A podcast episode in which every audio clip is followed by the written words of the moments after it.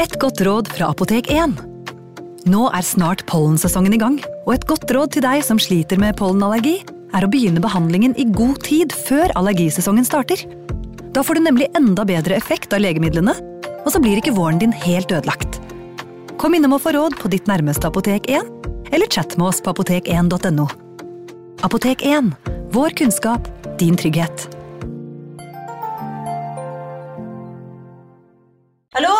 Jeg kommer fra Oslo politikammer.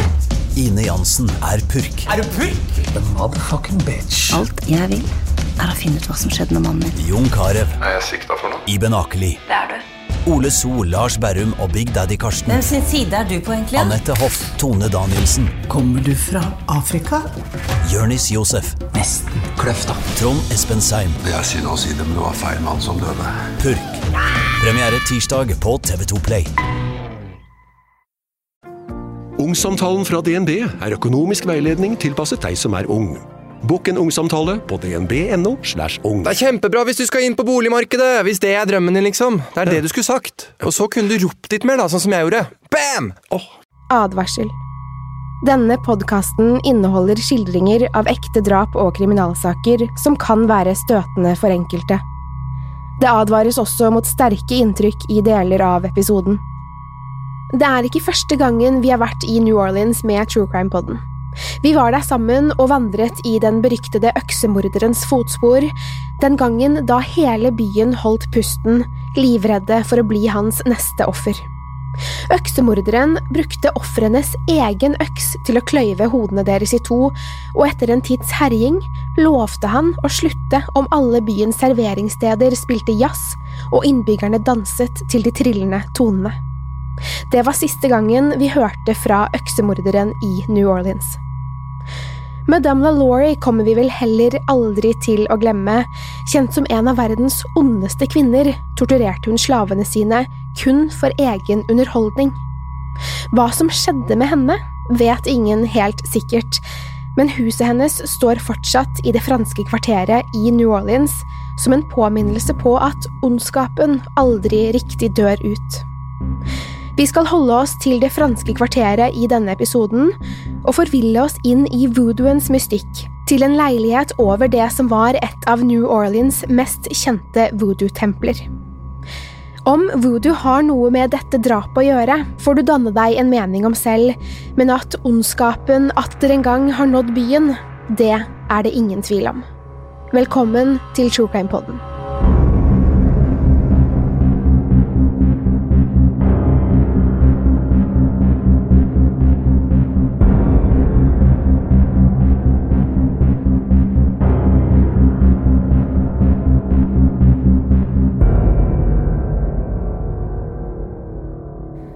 17. oktober 2006, det franske kvarteret i New Orleans, Louisiana. Det er en varm ettermiddag. Solen steker, og luftfuktigheten gjør at klærne kleber seg til kroppen. Det er dugg og kondens på vindusrutene, og isbitene i glassene til gjestene på rooftop-baren Omni Royal Orleans Hotel smelter og tynner ut cocktailene. Det skorter likevel ikke på stemningen, og bartenderen har mange å servere. Han har valgt å følge ekstra nøye med på en av gjestene, en mann på ca. samme alder som han selv.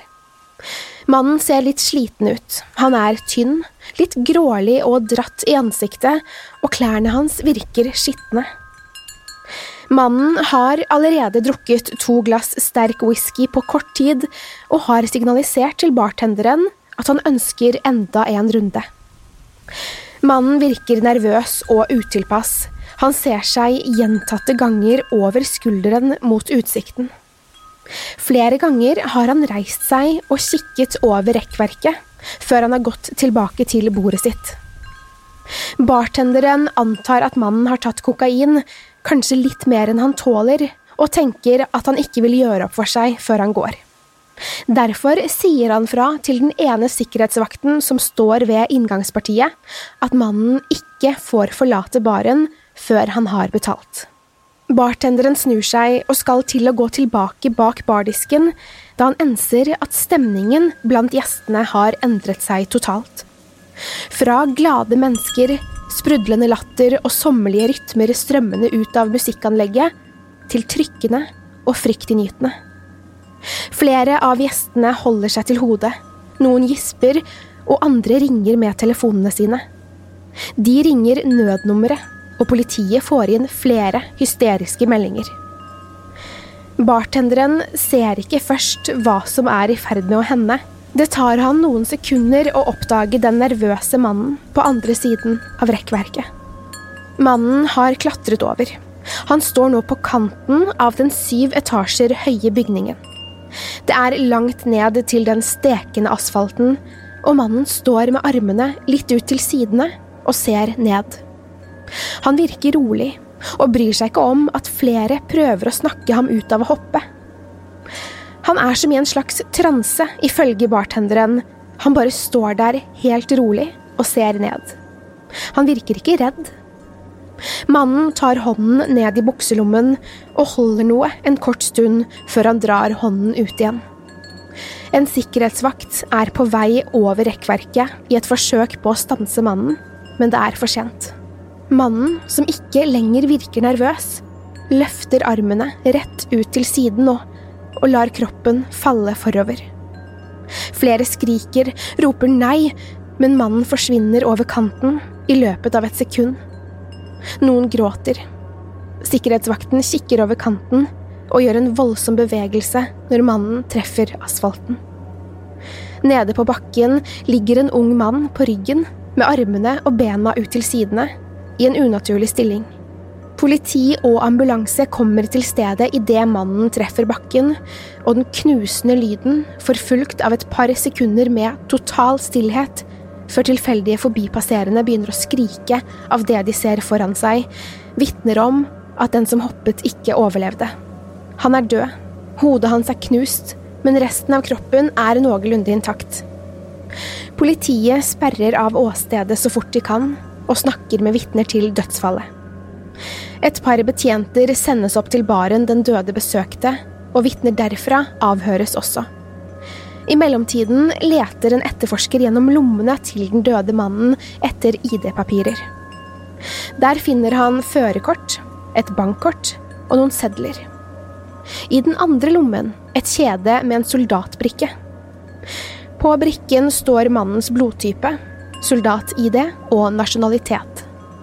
Brikken tilsier at mannen har militær bakgrunn. Den kalles også dogtag, eller dødsmerke, og brukes bl.a. til å identifisere falne soldater i kamp. Det var kanskje ikke en slik kamp brikkene skulle brukes i, men de gjorde jobben likevel. Politiet finner også noe annet i lommen hans. En liten ziplock-pose med noe hvitt nedi. Det ser ut som en sammenbrettet lapp, og en av etterforskerne åpner posen. På lappen, med store bokstaver, står det Leses kun av politiet. Etterforskeren bretter ut papiret og leser Til politiet. Dette er ikke tilfeldig. Jeg måtte ta livet mitt som gjenytelse for det livet jeg tok. Jeg har tatt livet til kjæresten min Addy Hall.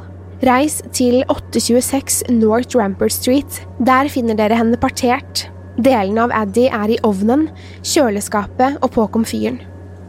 Der er også en skriftlig tilståelse fra meg, Zack Bowen.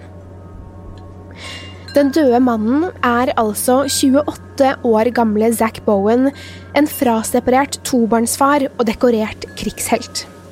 Han var stasjonert i to omganger i Irak og hadde fått utmerkelser for flere heltedåder. Så hva hadde skjedd her? En soldat, pappa og ektemann som plutselig lå med knust hode på asfalten midt i det franske kvarteret i New Orleans og hadde tilstått et drap på kjæresten sin. Politiet forstår at det er mer til saken enn kun et tragisk selvmord, og reiser til den oppgitte adressen 826 North Ramper Street. Det er noe kjent med adressen, og når politiet parkerer på gaten utenfor, kjenner de igjen huset med en gang. Det er den velrenommerte prestinnen Miriams voodoo-tempel, og leiligheten Zack Bowen har nevnt, ligger i etasjen over tempelet. Tempelet er et høyt respektert kultursentrum i New Orleans, og selv om flere mener at hele bygningen er hjemsøkt etter alle seansene som har vært holdt der, er ikke politiet på stedet for de påståtte åndene som sies å holde til i tempelet, men for et bestialsk mord. Politiet må opp en trapp for å komme til leiligheten. Det er bekmørkt i trappegangen, og luften er varm, tett og fuktig. Allerede før de er oppe ved ytterdøren, kan de begynne å ane en lukt det ikke er mulig å ta feil av – lukten av forråtnelse. Døren må brytes opp med brekkjern, og varmen og stanken slår mot dem. Inne i leiligheten er det også mørkt, og eneste lyskilde er lommelyktene de har med seg. Alle gardiner og persienner er trukket for, og selv om det ikke synes så godt, kan fluene kjennes der de setter seg i ansiktet og i håret. Etterforskerne vifter dem unna, kanskje i håp om å ikke få dem i munnen, de vet altfor godt hva fluene har vært på før dem. De må bare finne liket, og lyser seg rundt med lommelyktene. Møbler og esker er plassert vilkårlig rundt i rommet, det ser ut som de som bor der skal flytte, enten inn eller ut. På de hvitmalte veggene er det skrevet ord og setninger i kullsvart spraymaling. På den ene veggen står det Se i ovnen, og litt lenger ned Total fiasko, jeg elsket henne. På veggen tvers over er det skrevet Ring Lena Bowen, kone, og sprayet på flisene over badekaret og over toalettet på baderommet. Jeg er lei for at jeg ikke kunne fullføre. Politietterforskerne vet ikke helt hva de skal tro om situasjonen, som åpenbart har utspilt seg i den mørke, tette leiligheten, men vet at de må lete gjennom alt for å kartlegge mordet. To av dem går inn på kjøkkenet, og spraymalt på den gammeldagse, hvite komfyrdøren står det Ikke se. På veggen over komfyren er det tegnet en pil mot to store kjeler som er plassert oppå komfyren. Se her, står det under pilen. De må se, og den ene av politimennene legger et lommetørkle foran munnen og nesen før han løfter vekk lokket. I kjelen er det et gråaktig menneskehode. Håret er kort, og det ser ut som om hodet er kokt, da både hud, muskler og hår delvis har løsnet fra skallen. Politimannen setter lokket raskt på igjen, og vegrer seg for å åpne det neste. I kasserolle nummer to ligger to hender og to føtter, tilsynelatende kokt, de også. Stanken er uutholdelig, men etterforskerne er ikke ferdige enda.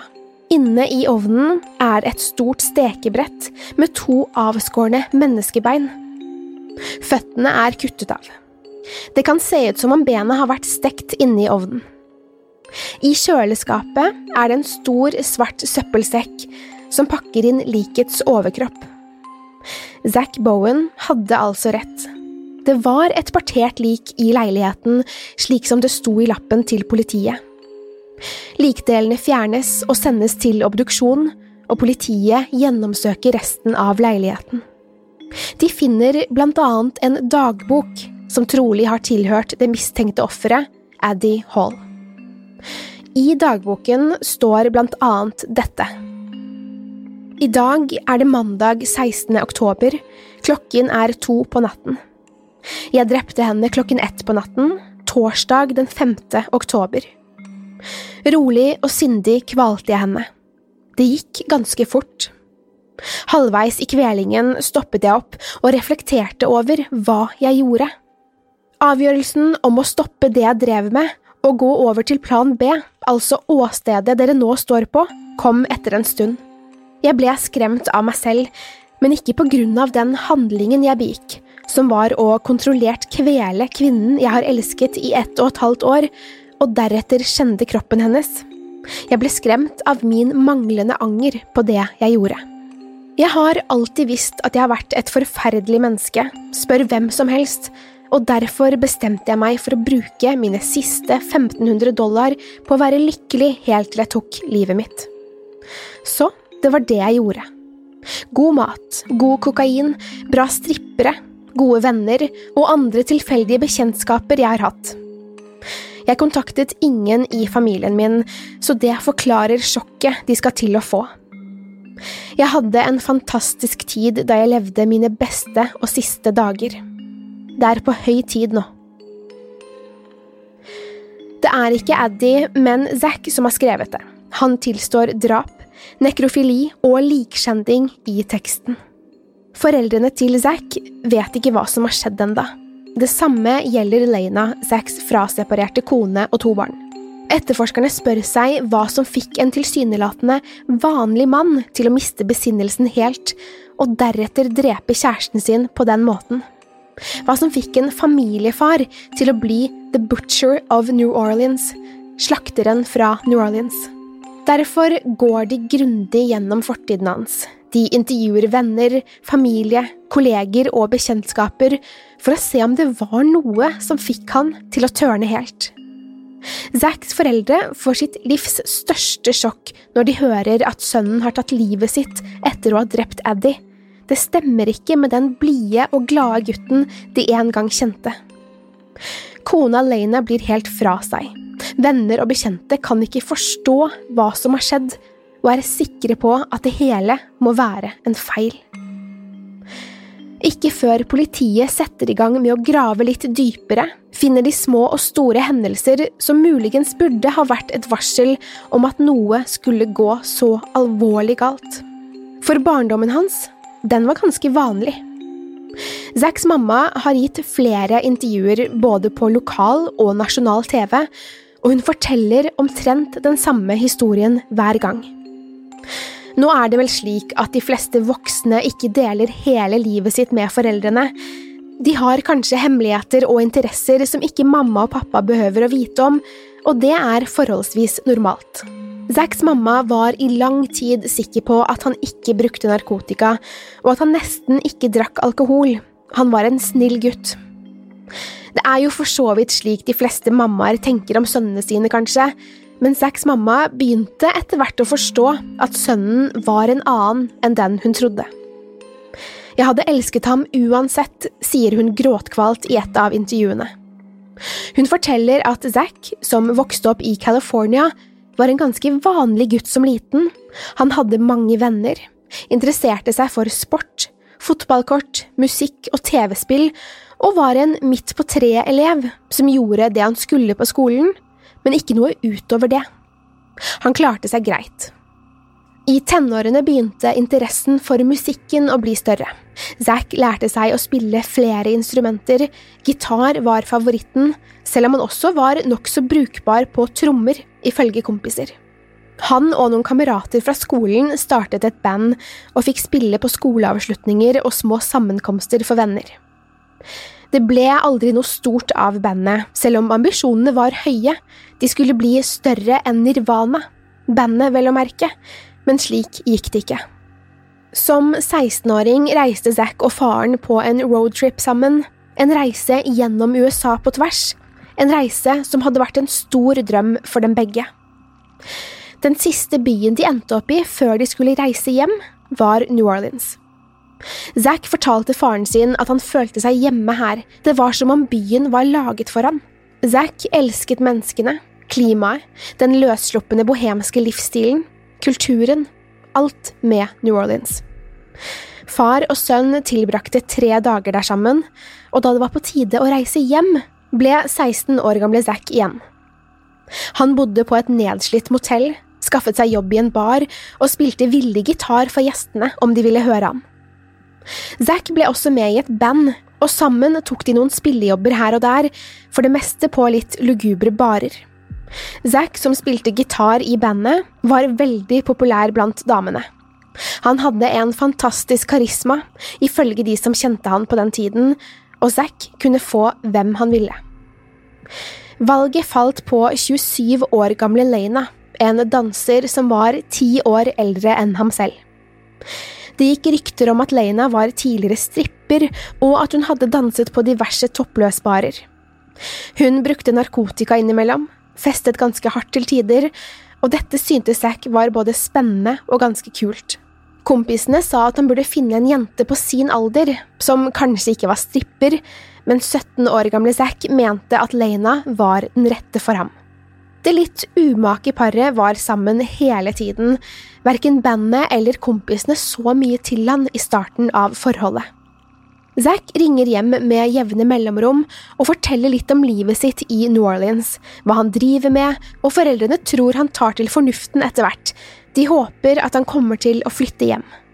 Mammaen hans får seg en stor overraskelse når sønnen forteller noe helt annet enn hva han hadde sett for seg, en gang Zack starter samtalen med at han har noe stort han vil fortelle dem. Zack forteller om Lena, og at de to skal bli foreldre. Lena er blitt gravid etter bare noen måneder sammen, og ikke nok med det, Zack har fridd, og Lena svarte ja. Zack, som ikke engang har begynt på college, skal altså gifte seg med stripperen, som Zacks foreldre kaller henne. Ti år eldre enn ham selv, og de skal starte familie. Moren forteller i intervjuet at hun kjente en stor sorg på bryllupsdagen deres, for hun hadde ønsket så mye mer for sønnen enn å være gift familiefar som 18-åring uten jobb og utdannelse. Zack og Lena virket lykkelige, og foreldrene til Zack håper at alt snart skal ordne seg. Det virker som om Zack faktisk ønsker å ta ansvar. Han og Lena bor i California en periode, og Zack verver seg til marinen. Han tar utdannelse i tillegg mens han er stasjonert på en militærbase i hjemstaten, og snart blir baby nummer to født. Zack er bare 20 år, gift med to barn, og skal snart sendes til Irak. Han er redd men tør ikke vise det. Han har sett på nyhetene hva som foregår i Midtøsten, og snakket med moren sin om at han frykter at han aldri kommer hjem igjen. Han vil ikke dø, sier han, og virker oppriktig bekymret for det som skal komme. Zack nevner ikke bekymringen for Lena, han mener hun har nok å tenke på som skal være alene med to barn. I Irak er Zack og troppen hans på flere skarpe oppdrag. Flere i gruppen blir skadet, og en dag går det ordentlig galt. Zack og flere andre kjører i to biler fra sin leir på vei til en annen militærleir, da bilen foran den Zack sitter i, treffer en veibombe. Zack sitter i forsetet og ser at bilen løftes fra bakken og hører det voldsomme smellet bomben avgir. Da røyken har lagt seg, løper Zack og de andre mot den bombede bilen. De to i forsetet er allerede døde. Zack ser at bena til han i passasjersetet er sprengt bort, og føreren av bilen, en av Zacks beste kamerater, har splintrer i halsen, ansiktet og flere steder på overkroppen. Blodtapet er stort, og det siver fortsatt mørkt blod fra halsen, brystet og magen. Han er død. De skynder seg å hjelpe de to i baksetet. De lever enda og skriker av smerte. Den ene, sittende bak føreren, har også splinter i armene og brystet, men han kan trolig reddes. Høyre benet til han på passasjersiden er sprengt og delvis revet bort fra kroppen, han mister mye blod, og Zack tar av seg jakken og knytter den stramt rundt låret på mannen. De får de to overlevende i sikkerhet i bilen, og kjører i all hast tilbake til sin egen leir. Begge som satt i baksetet, overlever veibomben. Zack sliter veldig med å ha mistet bestekameraten sin. Han sover ikke på flere dager, og selv om han får to utmerkelser for å ha reddet liv da bomben gikk av, klarer han ikke annet enn å tenke på kameraten sin blødende, livløse kropp sittende i bilen med hendene fortsatt på rattet. De andre i gruppen er også knust over å ha mistet venner på en så brutal måte, men Zack tar det absolutt hardest. Han kommer seg litt etter noen uker, men en ny tragedie gjør at han går inn i en dyp depresjon. Zack hadde blitt kjent med en irakisk familie i tiden etter veibomben, og på ettermiddagene spilte han fotball med den eldste sønnen i familien. Selv om de ikke snakket samme språk, hadde Zack og gutten kommunisert likevel, og Zack hadde også lært syvåringen noen grep på gitar. En ettermiddag hadde en opprørsgruppe klart å ta seg inn i den lille landsbyen der gutten og familien holdt til, og ser at den lille gutten snakker med en amerikansk soldat, altså Zack. En av dem drar gutten vekk fra Zack, og gutten skriker. Foreldrene hans løper ut av huset og ser hva som skjer. Zack prøver å kommunisere med opprørerne, men de holder gevær mot ham og krever at han holder seg unna. Deretter kaster de gutten mot bakken og skyter han i hodet. Guttens mamma hyler, faren faller på kne i sjokk og sorg, og opprørerne skyter dem også. Zack snakket ikke på flere dager etter hendelsen, han lå i sengen sin og stirret ut i luften, spiste ikke og ville ikke ha kontakt med noen. Zack ble aldri vanlig igjen etter den dagen, og helsen hans blir dårligere og dårligere. Han sliter med en infisert storetå, og feltlegen er redd for at det skal gå koldbrann i den om Zack ikke renser såret sitt ofte nok. Zack bryr seg ikke om tåen, selv om den gjør vondt, han vil ingenting lenger. Zack får snakke med familien sin og får vite at kona Lena har fått diagnosen hepatitt C og er veldig dårlig, så det blir besluttet at Zack får reise hjem grunnet dårlig helse og av hensyn til familien. Han får beholde utmerkelsene sine og kommer hjem som en dekorert krigshelt med alvorlige psykiske skader. Ingen kjenner igjen Zack etter hjemkomsten. Han er annerledes enn det han var før. Han er hissig nå, mer oppfarende og kan bli så sint på Lena og barna at Lena noen ganger er redd for at han skal slå dem. Det gjør han aldri, men han truer med det. Flere ganger. Zack har voldsomme mareritt flere ganger i uken. Han våkner opp skrikende og gråter hysterisk i timevis etter marerittene. Lena forsøker å hjelpe, men Zack nekter å snakke om hva som plager ham. Verken Lena eller Zacks foreldre vet om hva som skjedde i Irak. Zack blir ikke tilbudt noen psykologhjelp etter hjemkomsten, og selv om det er tydelig at han sliter med traumer etter de opprivende hendelsene i Irak, søker han heller ikke hjelp. Han og Lena krangler, og ekteskapet går dårlig. Det går så dårlig at de bestemmer seg for å separeres. Lena mener at litt tid fra hverandre vil gjøre dem godt. Til hennes store overraskelse flytter Zack tilbake til New Orleans. Han er tilbake i byen han elsker, og gjenoppdager interessen for musikk. Dessverre oppdager han også alkohol og narkotika. Zack blir fort kjent med mennesker og får flere kompiser han fester med nesten hver kveld. Zack får etter hvert jobb, igjen som bartender, på en bar i det franske kvarteret. Etter at baren stenger om kveldene, treffer Zack kompisene på andre barer og gjerne strippeklubber. Han har ikke så mye kontakt med familien på denne tiden, så de vet ikke hva han egentlig holder på med. De vet heller ikke at Zack snart skal møte en kvinne som skal forandre livet hans for alltid.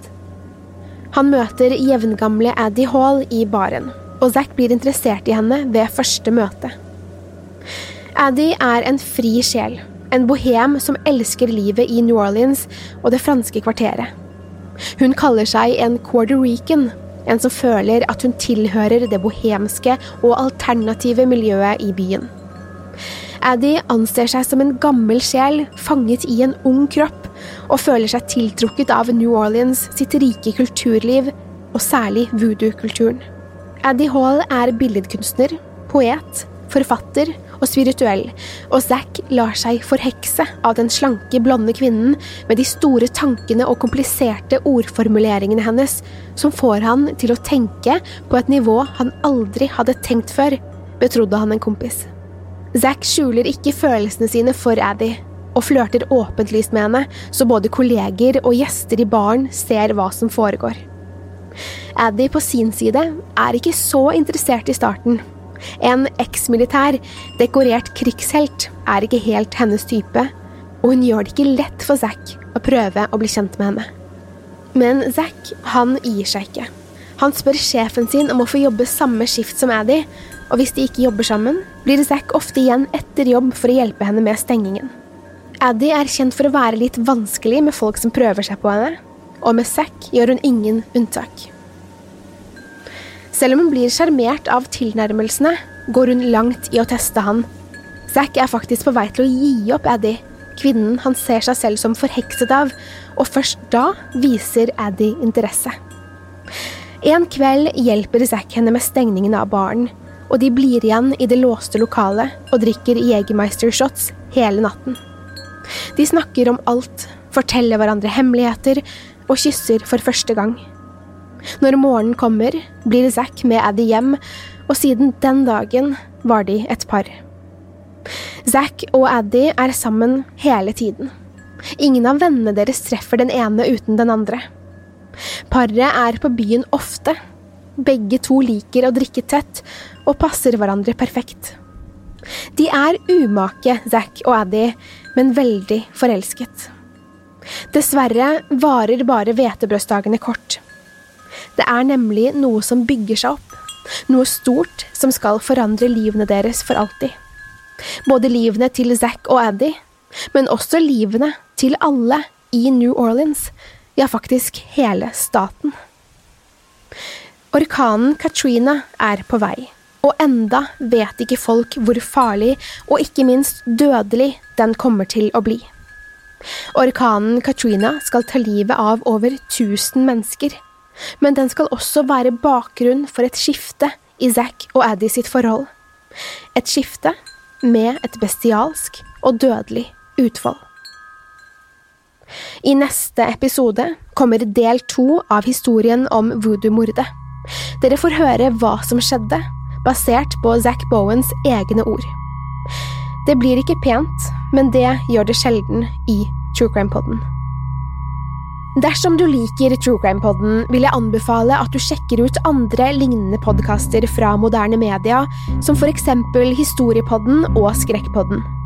De kan høres overalt der du lytter til podkast, som for eksempel iTunes eller Spotify. True Crime Podden er produsert av moderne media. Mitt navn er Pernille Tufte Radeid, og jeg vil takke Håkon Bråten for produksjon, lyd og musikk. Gi oss gjerne fem stjerner i iTunes. Til neste gang, pass på deg selv, og takk for at du har hørt på True Crime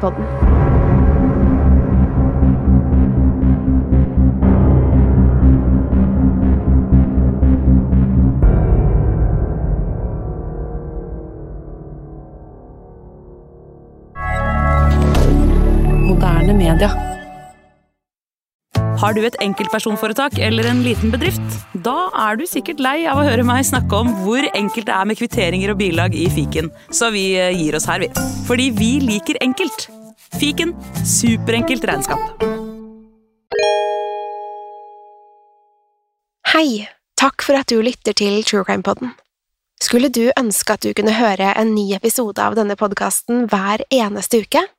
Vel, da er det bare å laste ned podkastappen Untold med en gang. I tillegg til ukentlige episoder av podkaster som Skrekkpodden, Synderne og Henrettelsespodden, får du masse annet reklamefritt og eksklusivt innhold. Last ned Untold i AppStore eller Google Play, og start din 30 dagers prøveperiode i dag.